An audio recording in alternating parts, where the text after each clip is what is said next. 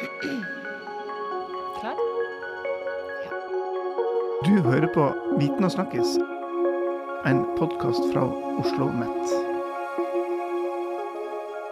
Welcome back to Oslo Met podcast, Viten og snakkes. My name is Carla Hughes, and I am here today with Marco Tagliabue. Welcome back. This is actually not your first time here. You've been with us before back in 2017. Welcome. Thank you so much. Thank you for having me. It's a pleasure to be back at this uh, podcast. You're very, very welcome. Um, when you were last here, you discussed can nudging change your habits? And you were here as a PhD student. Am I right? That's saying? correct. Yes. And uh, you were a a student of behavioral sciences, is that right? Also right. Uh, and now you are an associate professor. Yes. A lot has changed in the last few years. Absolutely. Uh, and for the best, I would say. Um, on a daily basis, I'm still working at the same department where I uh, um, got my PhD from. It's uh, the name of the program is actually in behavioral analysis, but the name of the department is behavioral sciences. Um, so I'm very interested in behavior, um, choice, how we choose, how we make decisions, and how some of these decisions can be turned out for the better. Um, um, so it's been an exciting uh, journey. Uh, I was uh, lucky enough to uh, be able to defend my PhD right before, unfortunately, the pandemic hit us hard. Um, so it was a very exciting moment, and uh, um, I just have the privilege of uh, being able to continue with uh, some of the research I've uh, started back then, uh, starting up new projects. Um, it's it's been an exciting journey, and uh, doing it at OsloMet is. Um, I'm very I'm very happy and proud of uh, of being uh, here. Nice, very good. Um, speaking of your PhD, can you tell us more about your PhD project and how that went, defending it? That's always something that people find very stressful, is a really big part of your academic career, your life. How was that for Of you? course, yes. I must admit, I probably experienced the whole spectrum of emotions uh, and the different phases. Uh, lots of uh, ups and uh, and uh, some downs. Yeah, uh, the ups are mainly totally worth it, and uh, the defense was just a, a beautiful moment to. Uh, uh, to put um, um, um, happy ending of uh, that part of the journey, um, so it was uh, it was very uh, touching and uh, also full of emotions.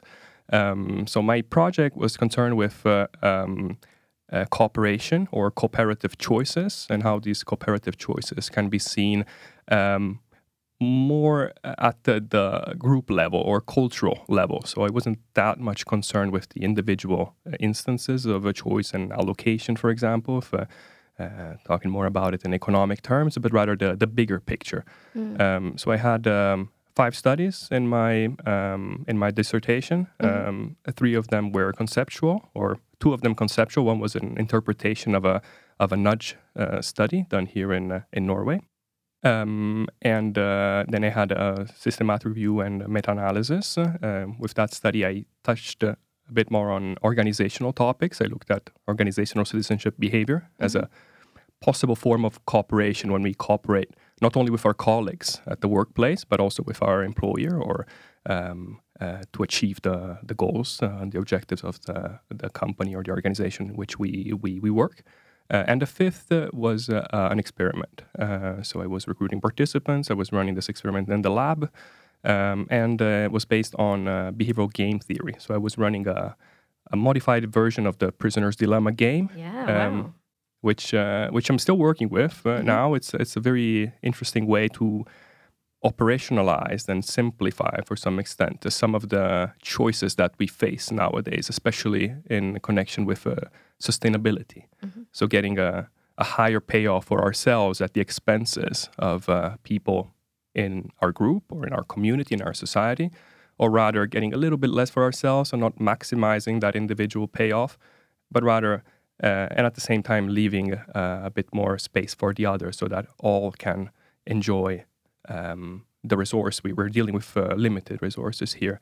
Um, and this is an interesting um, way also to look at, for example, um, climate change policy or uh, topics where we um, not to have, uh, uh, try to overcome the risk of over exploiting our natural resources, for example. So um, um, that was a bit what the study uh, contained. I uh, gave it a little bit of an introduction, uh, um, to frame it and uh, uh, contextualize it with uh, concepts uh, such as contingencies and meta contingencies uh, Mm-hmm. that uh, sound very conceptual and theoretical, but just how we can um, arrange our choice situations and uh, facilitate these supposedly better choices, taking into account what others do, Yeah. um, and uh, and um, principles of selection. So that is a is an important aspect of the uh, theory I work with and the behavior analysis as a field. Um, how how behavior is uh, selected, how we can uh, approach this uh, also from uh, different levels of uh, complexity. So at the individual, at the group, and ultimately society altogether, or the planets when things get a bit more complex. Yeah. Sounds like a lot of work, but it sounds like it went well, obviously, with your uh, defense. So, congratulations on that. Thank you so much. Thank you. You're very welcome. Um, and also, now we're lucky enough that you've stayed in Norway here. Was that always part of your plan? And are you happy to have stayed here? What made you stay? I'm very happy I'm still here. I don't Mm-hmm. know if it was part of the plan. I, I maybe there was no plan. It was as simple as that. I it just led naturally to uh, having a very good time uh, Mm-hmm. over here and having uh, great uh, opportunities and conditions for making this this stay or extending the stay possible. Um, so I enjoyed every every moment of it. Um, um, no regrets at all. So Good. of course. Uh, I'm originally from from Italy, and Mm-hmm. uh, that's uh, um, I still have a family there, of course. And the pandemic uh, um, made it uh, quite difficult lately to to travel back. So, Mm-hmm. uh, of course, there are those times, but I'm very happy to to be here and uh, um, keep my work, uh, keep doing my work here at OsloMet. Yeah. Is there anything that has surprised you since 2017 or 2016 when you first came? Am I right? Yeah, probably it was aired in 2017, but it was uh, remember it was cold. So sometime Yeah. at the end of the year, it may be impossible. I remember at that time I I was talking about nudging, Yes. and uh, I recently came back from a stay in Denmark when I was Hmm. uh, visiting the um, uh, iNudgeyou uh, group and the Danish Nudging Network. okay. Uh, and this gave me some ideas and uh, uh, cooperating with uh, with very um, interesting and uh, prepared people over there. I came back to Norway and founded the Norwegian Nudging Network, uh, which uh, I was uh, promoting to some extent uh, back uh, back then.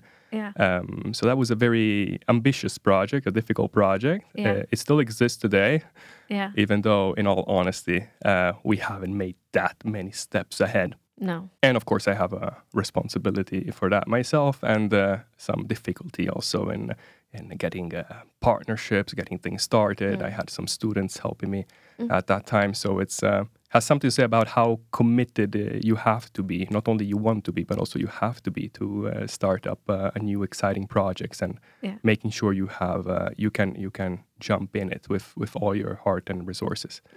Um, and I did that at the same time as doing the PhD, which was, uh, Wow. of course, the the main objective. But um, I hope we can uh, spark some new life into that project, and uh, and it's some exciting times ahead. So nudging is again one of the the things that I got passionate about Yes. during my PhD, actually. So that was a bit uh, um, surprising Yeah. uh, but also it was uh, a perfect moment in order to get excited about it because so many things were happening at the time and are still happening uh, today. So it would have been a pity not to um, do something about it, especially since we're back at what I'm most concerned with uh, behavior and choice. Yeah. Leads me to two questions, in fact. um, you were here last time talking about nudging. And like I said, I've gone back and listened to the old podcast. I, I don't know if maybe you remember the things that you Which said I must in that admit I haven't. no, no, it's fine. I encourage anybody listening to perhaps go and listen to that one first, based on my question that I will now ask you. Is towards the end of the podcast, you mentioned there was so many different aspects of nudging that you weren't able to mention since we have such a limited time scale. Maybe if I adapt my question to, is there anything you've learned about nudging in the last, you know, four years um, that his, I don't know how to word this. Let me think. Let me reword this. um, is there anything new that you have discovered about nudging? Um, and perhaps for those who haven't listened to the previous podcast, could you just explain it very briefly as to what it is? Of course. Um, so um, nudging has been received has been receiving a lot of attention from many many different fields. Uh, um, it was officially formalized by um, um, Richard Thaler and Cass Sunstein, uh, mm-hmm. two American professors, respectively in uh, economics and law. Mm-hmm in a book that came out in 2008. So we're talking about a relatively new um, yeah. concept and approach. Uh, and um, we may look at nudging as a as a way um, to get people to change. Um, um, a way to get people to to influence people's choices mm-hmm. by not uh, adding any um, uh, positive or negative consequence per se. Yeah um, but neither removing uh, choices. Right. Maybe that I could be perhaps probably a bit more clear. But um, a, classic example is uh, um, in a choice situation at the supermarket. If we want to increase the um, um, the sale of um, uh, healthy products uh, to move them at eye level, for example, or yeah. um, um, add some sticker that would make it more attractive or yeah. uh, come out with a message that will target that specific product and that customer at the right moment uh, rather than altering the prices of uh, mm-hmm. uh, the products the the healthier or the less healthy one or uh, imposing a, a, cost, let's say, yeah. and doesn't have to be necessarily economic, but also of effort, for example, making it so difficult to reach that we mm. would uh, give up uh, that journey um, somewhere in the way. So, uh, how we can do this? We alter the choice architecture, as mm. it's called in technical terms, or the environment in which, the context in which we choose. Yeah. I had heard, I don't know if this perhaps is along the same sorts of lines, that they play different music at different times of the day in supermarkets. Oh, that might well be the case. Right. Um, so maybe now we're uh, between the subliminal messaging or uh, influence of uh, consumer choice. Absolutely. Um, that's uh, uh, lead us to uh, to take up also some very important considerations of the ethics of nudging, which is very yeah. much debated. And so how um, how um, how um, heavily or how um, um, how heavy should the, the intervention be? Not only um, from a normative uh, standpoint, but uh, also taking into account the values, the desires, the uh, preferences of uh, uh, the people whose behavior we are influencing. Because at the end of the day, we're talking about influencing other people's uh, behavior, other yeah. people's choices, which some may argue is not necessarily a good thing, even though the mm. intentions of that intervention are the best. Um, so um, the um, uh, philosophical position behind the nudging is uh, termed um, libertarian paternalism. So it has something of this uh, paternalistic approach to it. Mm. Someone is supposed to know better and guide you, taking better choices. I'm just talking about the supermarket, but uh, yeah. we can also apply it to more in socially important uh, um, cases like uh, smoking, overeating, trying to do something about prevention for uh, uh, type 2 diabetes, for example, yeah. um, uh, screening, uh, early screening, for example, for, uh, for getting um, um, different forms of cancer, trying to get people to exercise more. So um, we don't have to look at this only in a specific uh, situation of uh, consumer behavior in a shopping situation. So there's the aims can be very high here. Mm-hmm. But on the other hand, we have the libertarian approach. So mm-hmm. people are free to choose at the end of the day, even yeah. though we alter a bit the context. That's very important. We don't remove choices mm-hmm. and we don't uh, impose uh, high costs. Yeah. So people are still free to go their own way, uh, yeah. even if that means uh, taking that pack of chips uh, mm-hmm. that uh, we know is not as healthy. yeah. Is there a type of person, uh, a specific, yeah, a specific type of person, perhaps, that is quote unquote immune to these um, nudges, perhaps? Uh, as a matter of fact, there is, yeah. even though we may argue whether that person, as a matter of fact, exists. so that would be the model uh, named the Homo economicus, or mm. the fully rational agent. Mm. Um, and this is the model that uh, the neoclassical theories within economics uh, postulate. So, a person who has a, um, infinite computational power or cognitive processing capacity that is always able to take into account uh, uh, the contextual information to make informed decision that is not affected by um, not important information that we see from a descriptive standpoint may, and as a matter of fact, sometimes does influence uh, choice, but that shouldn't matter. Yeah. Um, this was a question uh, that was asked by Thaler, uh, one of these, uh, uh, one of the two authors of Nudge. Uh, how long uh, would you be uh, available to uh, stand in a concert uh, where it's soaking, uh, it's pouring rain, and you're soaked? Um, uh, if you paid uh, four thousand kroner to attend that concert, so would you be uh, a, willing to take a bit more of this pain of being wet, uh, cold in the rain? just because you paid a higher price for a concert to make it um, quotation worth it Yeah, yeah. um, and this is an element that should have no um, say whatsoever uh, to the preference of this agent to leave or or uh, um, um, uh, leave and get dry or stay and uh, enjoy the concert in the rain. Yeah. Um, uh, but it does. People uh, react differently, even though this uh, is is not what the classical theories tell us. So, if this model of a perfect agent exists, well, then he or she uh, would not be affected by how we place different items. For example, whether we add a social message that encourages us to to behave one way, um, or emphasizing, for example, the um, um, um, the larger and uh, a bit more uh, delayed gains, for example, of uh, prevention in the case of uh, early screening. Yeah. I find it fascinating. Um, On the I- other hand, most of us would argue, well, we often do not have enough time, or um, we go on, uh, um, what has been termed taking decisions on autopilot, just with uh, Yeah. What we used to do before, what uh, seemed to have worked well enough uh, earlier, uh, Yeah. and then we we may uh, be affected by uh, these type of interventions. Yeah. I think that's a really interesting aspect of psychology as a whole is sort of decision making and choice behavior. Um, why we make decisions and how we make them without even thinking about them, if Mm. that sort of um, if that sort of makes sense, I guess. Absolutely. Um, I wanted to talk to you also about uh, recently you've been working, or at least your most recent paper was decision making processes. Is that right? Yes. Is this something that you're currently working on, or is what's your most recent project?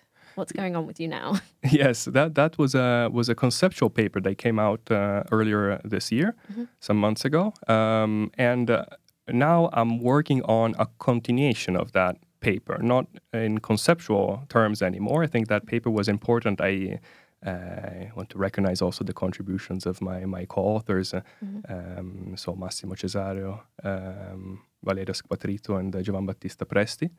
Um, um, Italian colleagues and, and peers, um, and uh, we um, try to look at um, whether we can find, uh, um, wouldn't say necessarily a better model, but a more comprehensive model for looking at um, some of the phenomena that is uh, uh, represents the core of uh, behavioral economics. So behavioral economics, uh, this field that is concerned with uh, with um, um, um, matters of allocation and decision making, choice, uh, judgment uh, that uh, takes uh, a bit of a different approach from these uh, uh, neoclassical economic theories, postulating full rationality or rationality, if we want to see it as a, uh dichotomy, whether Yeah. one is rational or is not rational, one has rationality or has not rationality. There are um, others argue there are some degrees in between, so it's uh, it's a matter of uh, shades of rationality, paraphrasing, and uh, how we can read this from um, um, um, um,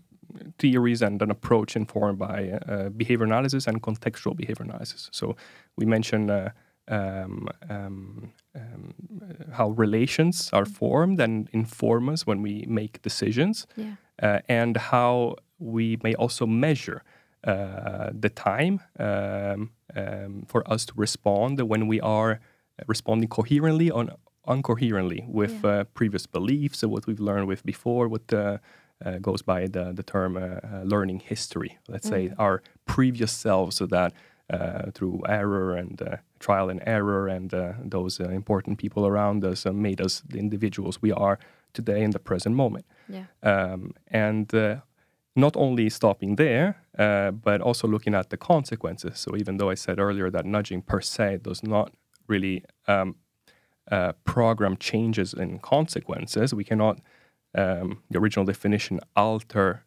too uh, heavily the economic or non-economic incentive system associated with that choice. But there are many cases in which uh, nudging is being used uh, as a way to try to bring the behavior or the choice we take today Yeah. under the control of uh, either um, It's fine.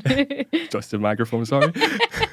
um, um, delayed consequences. So, if we go back and look at environmental uh, responsibility, for example, or environmental choices, the effects of the choices we take today, Mm. uh, well, we see them um, not immediately. They are uh, happen in the future, and Yeah. uh, that can also be a question in itself: how long in the future are we Mm. going to see the effects of those consequences? Yeah. But also, some of these consequences are abstract, uh, so we do not really see uh, what are the effects, for example, of the 1.5 uh, um, increase in the degrees of the, the, the ocean temperature, for example, or the um, the fact that some species are uh, having a hard time finding uh, uh, foraging patches and, and so forth. So um, when these consequences are delayed or abstract or both, Mhm. well, then we are in the presence of uh, relating to how we act today, how we behave today, how we make these choices today, and uh, what are uh, the effects of those choices,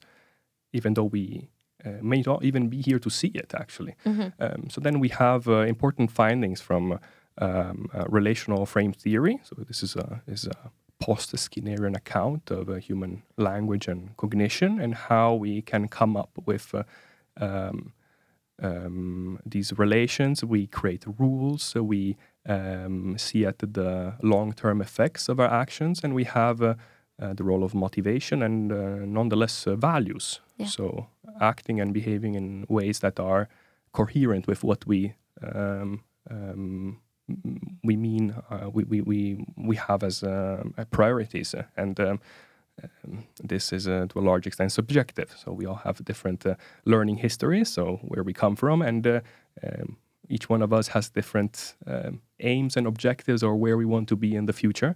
Um, um, so this is an interesting way to look conceptually at some of these elements. And the next step is uh, to uh, go to the lab Mhm. and try to uh, to uh, uh, test and uh, and uh, explore a bit uh, more in detail how we can we can approach this phenomena specifically uh, with. Uh, um, behavior and choice situations that have to do with sustainability. I think this is a very important uh, aspect, and, uh, and um, uh, um, probably also comes with a certain responsibility. I feel since I work in the area of uh, of behavior and choice, uh, being able to understand a bit better how these phenomena occur, Mhm. uh, how uh, they can be understood, operationalized, and um, um, influenced in an ethical way Yeah. uh, of course.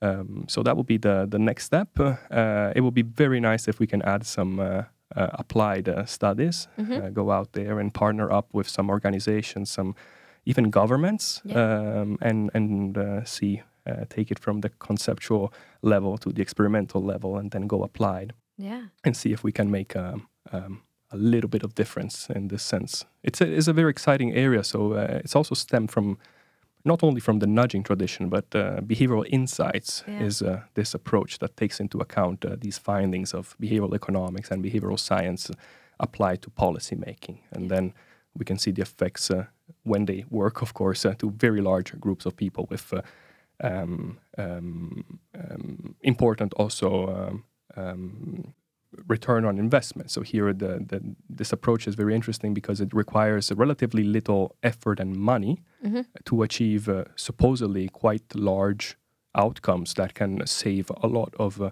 of uh, money in addition to the other type of uh, positive consequences of these type of interventions.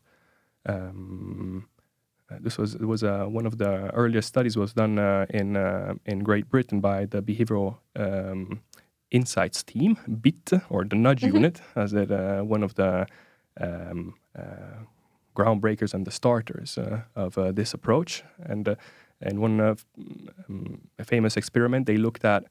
I think it's a it's a um, governmental page, a landing page after renewing uh, your um, tax uh, uh, registration um, um, for the vehicle or the, I, I don't remember exactly, but it was a, a landing page from the government and testing different conditions that um, uh, try to increase uh, the degree to which uh, um, um, these uh, people would uh, sign up uh, for uh, the nor- uh, National Organ Donor Program.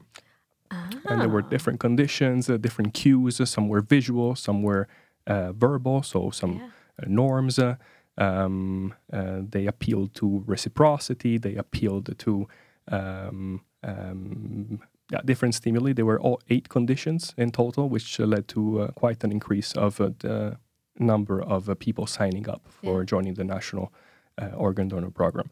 Um, so very small interventions at the end of the day. We're just Yeah. uh, designing differently a w- landing web page, Yeah. uh, but with potentially very important uh, um, results, not Yeah. only in terms of lives saved, but also Mm. um, um, all the other type of outcomes associated with this, uh, uh, from health to uh, policy, economics, and uh, um, improving society altogether. Yeah. Mm-hmm. Still with the choice, leaving it very open the choice. So no one was forced, uh, and uh, and no uh, incentive or penalty was uh, was introduced. As someone from Great Britain, we've, uh, I don't know if this is um, something that you've heard about, but I think approximately two years ago, they changed the organ donating um, situation with uh, basically if you if you were to die, then unless you've opted out Right. you now are automatically an organ donor. Um, so I wonder, uh, just an interesting thought that came into my head as you were saying that. I wonder if there was some links between that and the decision that was made not so long ago. But uh, yeah, I wouldn't be able to say specific of the link there, but it's uh, absolutely one of the most powerful uh, Mm. ways to influence behavior and uh, program also in the nudging approach. So the Mm. change of default. Yeah. What will happen if we do nothing, Yeah. basically? Uh, and leverages on uh, mechanisms such as inertia, for example, Mm. or some of these uh, limited uh, uh, time and uh, resources we have available. So uh, look at our phones, for example. How many of us uh, didn't even take time or, or care to go into the settings and change uh, the, Oh, the yeah. tunes or the someone thought uh, Yeah. of doing that for us and unless Yeah. we have a problem with it let's just stick to that Mhm. um, uh, maybe when we have a lot of time we will do it but uh, um, this is exactly forms of, of this uh, of this nudging. And uh, uh, it's listed as the probably the most powerful yeah, uh, way uh, to to influence choice. Yeah, uh, it's quite an important choice. So the choice Mm. architect behind, or the people behind the intervention, also uh, have the responsibility of uh, of designing it in such a way that will, at least standing from previous uh, evidence, uh, uh, have quite an impact Mhm. on on our choices. yeah, Um, this was also present in a study from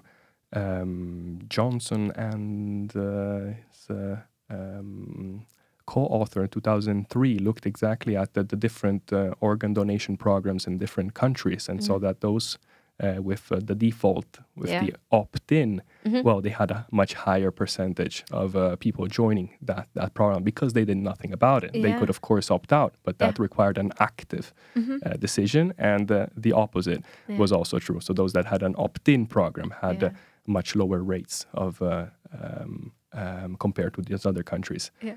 Um, so it's a very powerful, a powerful tool. Uh, Yeah. It uh, comes with also great uh, responsibility, but uh, again, a very small change uh, that leads to very large uh, uh, impacts. Um, and you asked me previously, what have I learned uh, a bit working with nudging these last years? That was um, this is uh, somehow related to this about the, the lasting effects of nudges. Mm. So there are many uh, nudging studies. Um, um, they seem to work uh, many times, or when they don't work, they can always be replicated and improved. But uh, when it comes to the long term effects of these nudges, what happens once the intervention is withdrawn? What happens once that web page goes back to the pre intervention phase where it looked just as before uh, anything was done in the first place? Yeah. um, uh, what happened in, in this building, for example, we uh, or is it the building next uh, next door? We have a, uh, a picture on the elevator encouraging us to take the stairs as a way to be more active. That's also a, a nudge. But how many of us pass by or walk by that picture and are something doesn't tick uh, anymore? Uh, we became uh, used to it in a way. Habituation kicks in and it becomes part of the the background. It fades in in a way. So trying to find ways to connect. uh, Um, this is something I'm trying to do. The work on the antecedents, getting to a condition that leads us to a more informed choice or a um, um, alternative behavior, and connecting it with uh, what are the consequences of that choice. Uh, so we know we cannot alter the incentive system. We cannot pay people to Yeah. uh, comply uh, to the nudge, Yeah. uh, but making these uh, effects a bit more salient, for example, increasing the fact um, that there may be health outcomes, uh, imp- positive health co- outcomes following the, um, the the suggestion, because this is what we're talking about, of taking the stairs rather than the elevator, of opting in the donor donor program instead Yeah. of uh, not doing so, uh, provided that people um, agree that that's what they want or Yeah. that suggestion is in line with their preference. Yeah. Oh, imagine if we just got rid of all the elevators and then just saw how health increases. That would be an interesting, uh, probably unethical, however. We would have some explanations We to do. would, yes. um, but anyway, moving on, I just wanted to ask you um, obviously, you have been here throughout the pandemic as well, as someone who is also international, not being able to visit family, not being able to go home, and, and all of these things are impacted. However, it also must have impacted your work in some way. What sort of challenges did you face during the pandemic? Um, and how are things perhaps starting to look up if they are? Yes. Um, I must say I'm one of those privileged uh, people who was able to uh, work from home, and I did not experience any disruption in my work. I know that other people, those who have to be at work, and those who experienced the really the worst of the of the lockdowns of society and the servicing and the and the, and the, and the, um, uh, and the travel industry and so forth, unfortunately, uh, experience more negative uh, consequences. So I didn't have any disruption of, of work. Uh, everything in a way was moved to home instead Yeah. of at the office. Um, um, this did not have any really uh, downside concerning the, the writing. Uh, really, I uh, uh, in our in our work, especially at the conceptual level, when working with these uh, conceptual papers, for example, and Yeah. preparing some teaching and doing supervision, really with a with a computer and some some space for some articles, some books. Uh, we don't need uh, much more than that. Yeah.